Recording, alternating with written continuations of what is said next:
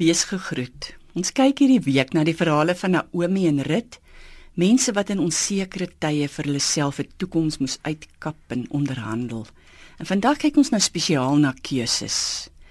Die ding wat ek en jy seker die graagste wil hê is om vrye keuses oor ons lewens te neem sonder dat iets of iemand ons sal blok of aan bande sal lê. Ons droom om op pad te wees na iewers.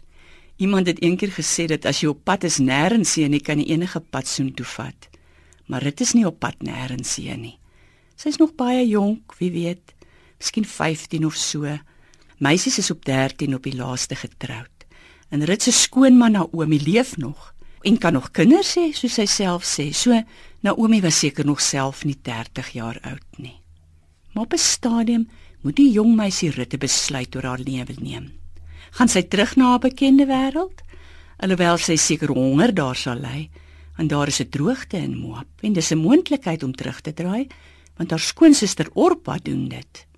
Maar Rut besluit vorentoe. Sy kies vir 'n nuwe omgewing sy kies vir God. Kortom sy kies vir die lewe.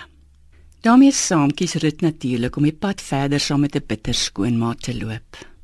Want Naomi kies vir die dood. Naomi wil nie eers meer lewe nie Noem my Mara, ek's nou mevrou Bitterheid sê sy. Dis nie 'n maklike pad wat vir dit voor lê nie. Saam met 'n bitter skoonma en sonder 'n man wat daardie tyd die enigste manier was om te oorlewe. Hulle sê dat 'n klein voeltjie soos 'n mossie 2 tot 3 jaar in die natuur kan oorlewe. As jy hom egter in 'n hokkie in die huis hou, kan hy tot 20 jaar lewe. Dis nogal ironies. En geen mens wil of moet in 'n hok bly nie. Maar ongelukkig het Rut soos die vroue van haar tyd maar min uitkom kans gehad in 'n samelewing met baie voorskrifte en beperkings en hokke. En tog kry ons hier vir Rut waar sy besluite neem, besluite vir die lewe. En uiteindelik kry ons Rut waar sy die hokkie waarin sy moet leef vir haarself in 'n veilige spasie omskep. Rut nooi ons uit om vir die dag wat voorlê twee dinge te onthou. Die eerste is dat ons keuses kan en moet neem. Alles ons lewens hoe ingehok en beperk. Alles ons omstandighede hoe moeilik. En die tweede is dat ons keuses vir die lewe moet neem en nie vir die dood nie. Kom ons bid saam.